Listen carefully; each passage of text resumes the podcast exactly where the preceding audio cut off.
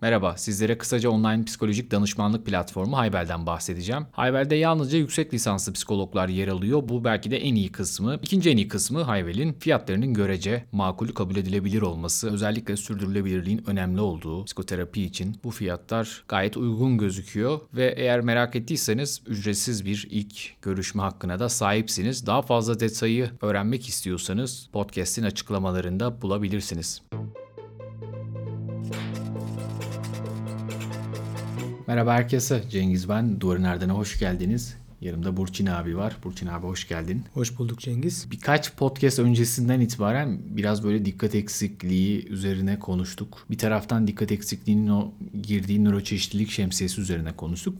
Bir podcast'te de hani tam olarak DHB'yi merkezimize almasak da hani bozukluk nedir, işte normal nedir, anormal nedir bunların üzerine biraz böyle fikir jimnastiği yaptık. E şimdi bu ikisini de böyle bir araya getirdiğimizde hani bu DHB'nin hani bir olumsuz bir tarafı var. Belki bir taraftan da işte kutsandığı bir tarafından bahsettik zaman zaman. Şimdi ise hani evrimsel açıdan bunun hani bir avantajı var mıdır ya da geçmişte vardı bugün var mı ya da hala belki bugün de dikkat eksikliği hiperaktivite bozukluğu olan insanların öne çıktığı şeyler durumlar var mıdır yaşanıyor mudur? Hem modern zamanlarda belki biraz daha politik açıdan bir bakışla da buna bakabiliriz. Hem de geçmişten bugüne evrimsel anlamdaki bu yolculukta da DHB'nin nasıl bir avantaja sahip olduğu ya da zaman zaman nasıl dezavantajlar yarattığı üstüne konuş konuşalım istedim seninle. Teşekkür ediyorum Cengiz. Güzel bir konu aslında. Yani şöyle evrimsel mekanizmalardan var mıdır?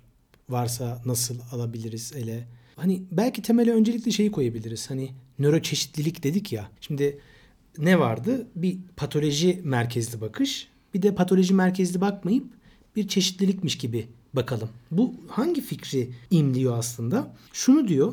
Evet sen dikkatle ilgili ya da işte hiperaktivite ile ilgili vesaire çeşitli sorunlar yaşıyorsun. Bu noktada sorun yaşadığın fikrini kabul ediyorsun sen nöroçeşitlilikte. Bunun nasıl olumluyorsun? Ne yazık ki diyorsun ki performans toplumunda ya da diğer insanların hani çoğunlukta DHB olmayan insanların çoğunlukta olduğu bir toplumda senin zorluk yaşaman normaldir diyorsun. Yani bir çeşit olumlama meselesi var. Tamam güzel. Ee, yani sen diyorsun ki burada hem sorun yaşıyorsun. Bu sorun toplum kaynaklı. Ama aynı zamanda bu durum patolojik bir şey değildir. Yani burada şey gözüken, çelişkili gözüken iki konsepti bir araya getiriyorsun. Güzel. Peki o zaman bu iki çelişkili durumu nasıl bir bilimsel teoride formülize edebilirsin meselesi var. O zaman da senin de dediğin gibi aslında evrimsel psikolojinin en hani core prensibi belki diyebileceğimiz mismatch hipotezi yani eşleşmeme hipotezi gündeme geliyor. Yani nedir? Evrimleşilen çevre fikri. Yani insanın evrimleştiği çevrenin günümüzden farklı olması fikri gündeme geliyor. Bir çeşit uyumsuzluktur DHB deniyor. Ee, daha önceki podcastlerde de herhalde konuşmuştuk. Yani mesela örneğin masa başında oturup ders çalışma ile ilgili yani toplumsal beklenti. Doğada normalde böyle bir şey yok. Hatta okumanın, temel eğitimin ya da ileri eğitimin bu kadar yaygınlaşması ileri eğitim belki son 30 yıllık bir şeydir. Hani Türkiye'de mesela geçen bir yazı vardı işte doktora üstü lisansüstü eğitim %2 idi. Ne bileyim temel eğitim hala mesela %40'larda 50'lerde belki. E, ama bundan 100 sene önce, 150 sene önce hiç yok gibiydi. Çok dar bir çevrede, daha çok dini çevrede olan bir şeydi. Yani okuma ya da eğitim e, ya da işte DHB ile ilgili bu performans meseleleri yeni çağımıza ait şeyler. Yani bir çeşit mismatch var. Biz doğada olsaydık Hani bu bir sorun olmayacaktı meselesi var. Ya da aynı şey özgür öğrenme güçlüğü için geçerli. Ne diyor mesela bir teori? Hani buna bağlı baktığımız zaman o zaman soru şu. DHB'nin acaba adaptif bir değeri olabilir mi? Ya da maladaptif bir değeri olabilir mi meselesi var. Mesela çalışmalar var gösterilmiş. Yenilik arama davranışıyla ilişkili olabilir mi? Şöyle bir e, metin okumuştum. Hani ne kadar doğru hatırlıyorum bilmiyorum ama DHB ile ilişkili bu DRD4 genlerindeki işte mutasyonların tarihlendiği, DHB ile ilişkilendirilen bu mutasyonların tarihlendirildiği zaman işte uyduruyorum hani tarih sayıları hatırlamıyorum. İşte milattan önce işte bir buçuk milyon yıl ya da işte tam hatırlamıyorum tarihi doğru olmayabilir. Bu tarih insanların Afrika'dan çıkış zamanına denk geliyor. Yani hani o vardır ya işte dar boğazdan o Sina çölünün olduğu boğazdan Afrika'daki o klasik o insanların evrimleştiği o Afrika'daki o koridordan çıktığı zamana denk geliyor. Yani şunu diyor. Bir hiperaktif bir adam var. Öyle dürtüsel, girişken, sürüyü çekip çevirecek bir adam. Bu adam alıyor sürüyü. Değişen şartlardan dolayı bulunduğu milyonlarca yıldan beri evrimleştiği çevreden uzaklaştırıyor. Bunlar şey değil mi aynı zamanda hani novelty seeking Aynen. insanlar. Aynen. Yani belki dürtüsel hareket eden ama yenilik arzusu, keşfetme peşinde de giden insanlar. Evet, e, DHB'de olan şeyler bunlar zaten. Stabiliteye katlanamama, e, sürekli yenilik arama, sıkıcı bir performans gerektirdiği durumu sürdürememe. Muhtemelen öyle bir tarafı olduğu söyleniyor. Hani yani nedir? Evrimsel manada adaptif bir şekilde seni mesela kaynakların azaldığı bir noktada uzaklaştırma işlevi olabilir deniyor. Yani bunun gibi hani evrimsel bir adaptif değeri olabilir deniyor. Ya da mesela yine bu DRD4 geniyle ilgili erkekler inceleniyor. Kabileler bir işte bir kabilede yapılıyor çalışma. Gösteriyor ki bu gene özellikle DHB ile ilişkilendirilen bir gen oluyor aynı zamanda. Göçebe olan erkeklerinin bu geni taşıyanların taşımayanlara kıyasla, yerleşik hayatı sürdürenlere kıyasla daha sağlıklı olduğu gösteriliyor. Yani diyor ki eğer sende bu gen varsa ve sen göçebeysen, hareketliysen daha sağlıklısındır deniyor. Yani muhtemelen yine bir önceki hipotezle, bir önceki durumla tutarlı gibi. Yani girişken, hareketli, avla uğraşıyor. Yani çiftçi olmak yerine avcılıkla uğraşıyor. Yerleşik hayat sürdürmenin daha zararlı olduğu bu kişilerde olduğu söyleniyor. Buna da ne diyorlar? DHB'nin işte avcı çiftçi teorisi deniyor. Yani DHB'ler avcı olmaya yatkındır. Avcılık yaparlarsa daha işte nasıl söyleyeyim sağlıklı olur deniyor ki biz bunu nerede görüyoruz klinik şeyde pratikte? DHB'li olan kişilere ne önerilir? Mesela spor değil mi? Ya da hareketli mesleki aktiviteler ya da eskiden varmış ya işte Osmanlı'da en böyle hareketli kıpır kıpır tipleri işte ordunun en önüne koyarlarmış. Hani bir kere bunlar ne olurmuş? Paldır küldür saldırırlarmış. Daha çok ölürlermiş belki ama bir yandan da işte düşmanın gücünü kırarlarmış. Zaten bu adam dürtüsel hareketli, düşmeden hareket ediyor. Çabuk sinirleniyor. Yani ordunun komutanı açısından avantajlı. Yani o bakımdan bir çeşit avcılığa yatkınlık bir hani adaptif değeri olabileceği söyleniyor. Grup için de avantajlı yani grubun da bir anlamda. Tabii. E, şey öncüleri oluyor. Tabii. Şey açısından bile yani avcı diyorsun ya mesela sonuçta insanlar bugün e, işte bir yeni bir gıda keşfettiklerinde e, hani bugün yediğimiz pek çok şeyi aslında eskiden muhtemelen yemiyorduk, korkuyorduk. Ama birisi buna cesaret etti. Onu yemeye, yetiştirmeye ya da bir, bir hayvanın etini yemeye. Belki bu sayede onların tadını biliyoruz. Tabii yani sonuçta bir çalı var. Çalının orada mesela dediğim gibi yeni bir meyve var. Ya da çalının arkasında bir hışırtı var. Atlıyorsun. %30 ihtimalle e, avcı çıkıyor. %70 ihtimalle belki av çıkıyor ve sen o ava ulaşıyorsun. Yani adaptif değeri olabilir. Sen deyince aklıma geldi. Bir bomba e, ihbarı var. İşte mesela bomba ekipleri toplanıyor. Bomba ihbar ekibi toplanıyor. Patlatacağız edeceğiz. Vatandaşın biri çıkıyor mesela alıyor torbayı sallıyor. Hani şimdi aslında bombaysa o hani çok ciddi bir ölme şansı var. Ama bir yandan da bomba çıkmadığı zaman da kahraman olma şansı var. Yani aslında adaptif bir tarafı da var. Ama işte eğer hata yaparsan hayatta kalma ihtimalini hani çok ciddi oranda düşünüyor. Hani düşürüyor yani o bakımdan nasıl söyleyeyim. Böyle bir tarafı var ki buna da şey deniyor tabii. Hani DHB'nin savaşçı teorisi deniyor. Yani bunlar daha dikkati bozuk, daha hiperaktif, daha dürtüsel ki burada da diyor ki işte hani mesela Homo sapiensler, Neandertaller ya da işte illa hani Homo sapiens sonuçta var ve onların DHB'si olan var. Bilmiyorum belki çok spekülatif. Neandertallerde böyle hiperaktif bir taraf yoktu. Ne bileyim DHB ile Homo sapiens'in içinde vardı bu dürtüseller daha agresif davrandı ve bir şekilde mesela belki de yendi. Yani savaşçı olmaya yatkınlıkla da ilgili bir tarafı olabilir. Yani sen o şey örneğindeki işte savaş asker örneğinde verdiğimiz gibi savaşçı hareketli bir adam bu ve bu adamın savaşması lazım. Ama sen bunu işte masa başında oturttuğun zaman sorun oluyor ve ne oluyor bak dikkat edersen bunlar evrimleşilen çevrede adaptif davranışlar gibi diye düşünebiliriz. Şimdiki ee, modern zamanda ise bu adam şey oluyor. İşte sende bir sıkıntı var, bir problem var. Kesinlikle tabii. Yine o mismatch dediğimiz o klasik hani olumsuzla olumluyu tam böyle oturttuğu bir yer oluyor. Yani hastayı sen şunu diyorsun. Ya bak seninki bir çeşitlilik. Geçmişte adaptifti şimdi maladaptif diyorsun. Yani ikisini oturtuyorsun. Ya da mesela devam edersek nedir? Bu DHB'lerin tipik özelliklerinden biri nedir Cengiz sen de biliyorsun. Dinlemiyormuş gibi. Odaklanmıyormuş gibi. Ya da istemediği şeyleri mesela yan masayı dinliyormuş gibi oluyor burada.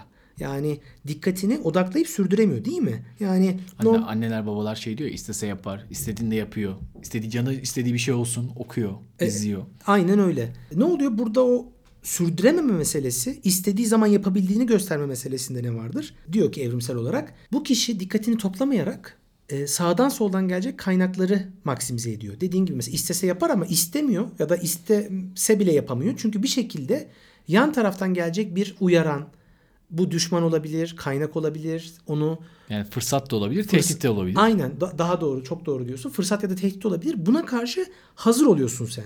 Yani bölünmüş bir dikkat problemi var. Ve sen bu sayede dediğin gibi fırsat veya tehditlere karşı açık oluyorsun. Buna da şey deniyor. Tepki vermeye hazır olma teorisi deniyor. Response readiness teori. Yani tepki vermeye hazırsın sen. Yandan gelen bir tepki ya da işte belki bir saldırgan var ona karşı. Şeyi sana podcast'a başlamadan önce de söyledim. Sen de hani hastaları kafanda canlandırdığını söylemiştin. Mesela bazı DHB hastalar böyle işte polikliniğe geldiğinde muayene olmaya böyle mesela işte montunu çıkarmaz. Hava sıcaktır ya da Ha. işte çantasını böyle neredeyse sırt çantasıyla beraber sandalyeye oturur. Ucuna oturur. Hani o işte çıkar bir kenara koy ya da hani çıkarıp kucağına almak o bile belki adaptif ya da o an için onun konforunu arttıracak bir şey. E, Böyle hep işte mesela otobüste dolmuşta o içerideki koltuğa oturmak yerine yani ilk atlayacak, kapı açıldığında ilk çıkacak tarafa o işte oturmak. Belki hani hep bir ayağı dışarıda, hep bir şey olacak ve o olduğu zaman bu ama işte mesela kaygıdan şeyden farklı bir şey. Evet. Yani bu belki o anlamda karışıyor. Çünkü DHB'lilerin çünkü mesela anksiyete, korku, kaygı da dikkati bozan bir şey. Ama onun işte bir tehdit varlığında doğrudan hani tam olarak bilmediğimiz bir şey varlığında olduğunu düşünüyoruz. Burada böyle bir fırsat ihtimali de her an her şey olabilir. Hayatta her şeye hazırlıklı olmak lazım ve bu imkanları da kaçırmamaya dair böyle sanki bir farkında olmadığı bir istek arzu var gibi. Evet, nörobiyolojik sistem o şekilde şekillenmiş ve dediğin gibi hani o fırsatı ya da tehdidi algılama konusunda Muhtemel ödülleri, hani Ödülleri, belki do- tabii. dopamin disregülasyonunun böyle bir şeyi var. muhtemelen doğru. Yani şöyle düşün. Eğer o dopaminerjik sistemi senin disregüle ise bir şekilde ödül aramaya ya da ödülle ilgili durumlara aşırı bir hassasiyeti yatkınlık var ki biz neyi biliyoruz? DHB'de hani mesela cinsellik belki hani bu kişilerin daha fazla cinsel eş sahibi oldukları, daha sık cinsel eş değiştirdikleri ya da yine riskli bir davranış olarak daha fazla gebe kalma yani istemsiz gebe kalma ya da hani ne bileyim istismara uğrama gibi noktalarda riskli olduklarını biliyoruz biz. Çünkü nedir? O dağınık dikkat tehditleri veya tehdit olmayan ödülleri algılamakta daha hassas olmanı sağlıyor. Yani klasik olarak ne oluyor? Mesela DHB'li kişiler daha böyle konuşkan, daha karşı tarafın ne düşündüğünü özellikle zihin kuramı ile ilgili de bazen farklılıklar oluyor. Ne oluyor anlamıyor mesela. Karşı taraftan gelen çünkü zihinsel modüller ortalama bir insanından daha farklı olduğu için mesela flörtle ilgili ipuçlarını algılamakta zorluk yaşayabiliyorlar. Bu yüzden mesela istismara uğrama ihtimalleri artabiliyor. Çok klasik gördüğümüz bir şey. Hatta borderline sanılıyor. Mesela kadın DHB'ler borderline yanlış tanısı alma noktasında çok hani yanlış bilinmeyince özellikle erişkin DHB kadınlarda e, özellikle böyle sanılabiliyor. Çünkü ipuçlarını yanlış okuyor. Çünkü borderline'da da zihin kuramı ile ilgili zorluklar var ve e, Aynen. bu gerçekten de hani dürtüsel işte kadın e, karşıdakinin ne yap, ne yapmaya çalıştığını çok anlamayan yine istismara açık e, birisi ve ilişki kurmakla ilgili zorluk yaşayan birisi o anlamda çok benziyorlar borderline ile DHB. Hatta ikisini de alıp sonra bipolar tip 2'ye koyalım Aynen. gibi aynen. bir şey de oluyor. Ee, yani o yüzden şey çok önemli. Klinik tanıda onu ayrıştırmak çok önemli. Çünkü şeyi çok görüyoruz. Cengiz sende de oluyordur. Yani yıllarca borderline diye terapi alıyor.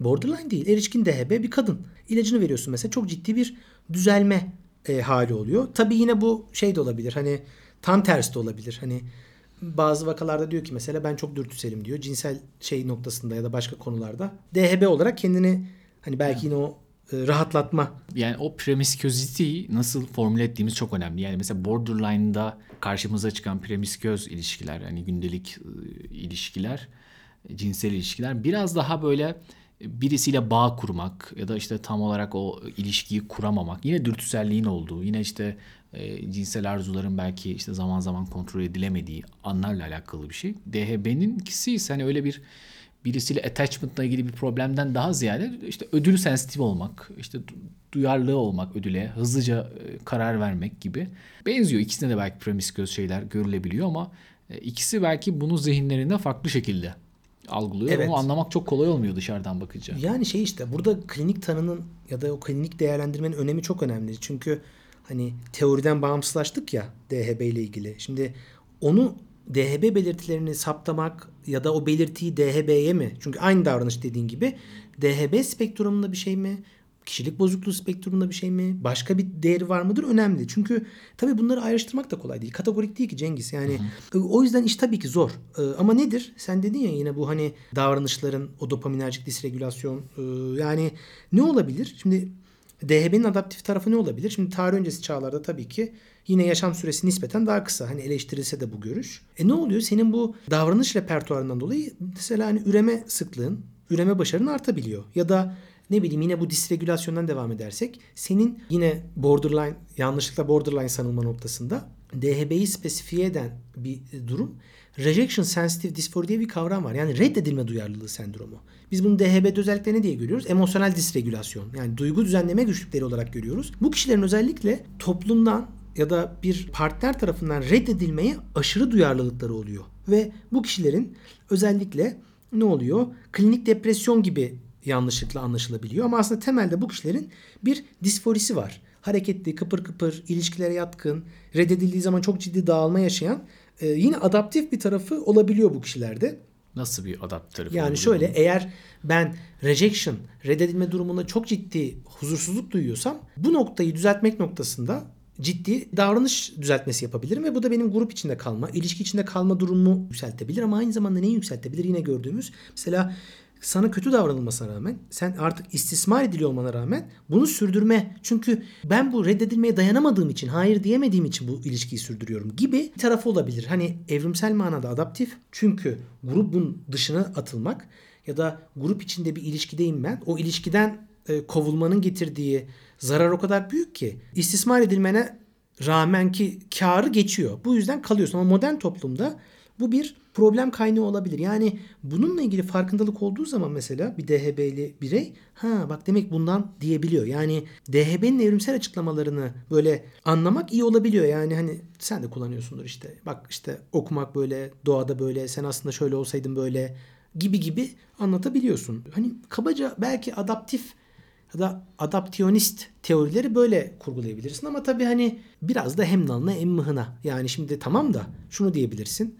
Ee, iyi de DHB diyorsun ki işte girişken vesaire ama aynı zamanda doğada sessiz kalmak da önemli değil mi? Belki ortada bir yırtıcı var. O yırtıcının olduğu ortamda sessiz kalırsan hayatta kalabilirsin.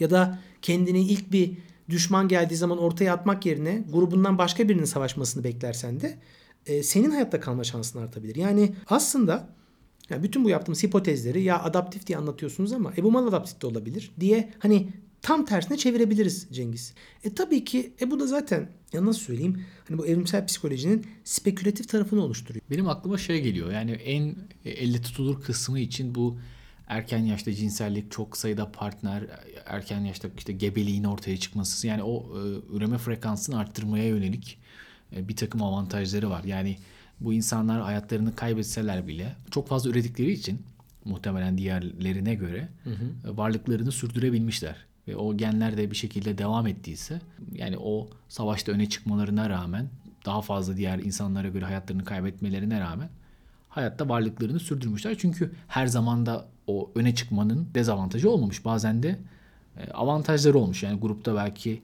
işte kahraman olmuşlar, savaşçı olmuşlar, daha büyük saygı görmüşler, daha iyi besinlerle beslenmişler. Hı hı. Bu anlamda diğer insanlara korku vermişler. E, kendilerini bu sayede belki korumaya almışlar. E, bu sayede de hani varlıklarını da daha uzun sürdürebilmişlerdir belki de. Olabilir tabii. Yani adaptiyonist e, bir bakış noktasında bunları tabii çoğaltabiliriz. Ama tabii nedir? Bir de yan ürün meselesi var. Byproduct. Yani aslında DHB'nin işlevi A iken bir de B diye bir şey çıkarıyor. Ve bu B aslında şey gibi nasıl söyleyeyim işlevi olmayan bir yan ürün gibi. Yani bu ne bileyim kömür yanıyor dumanı çıkıyor.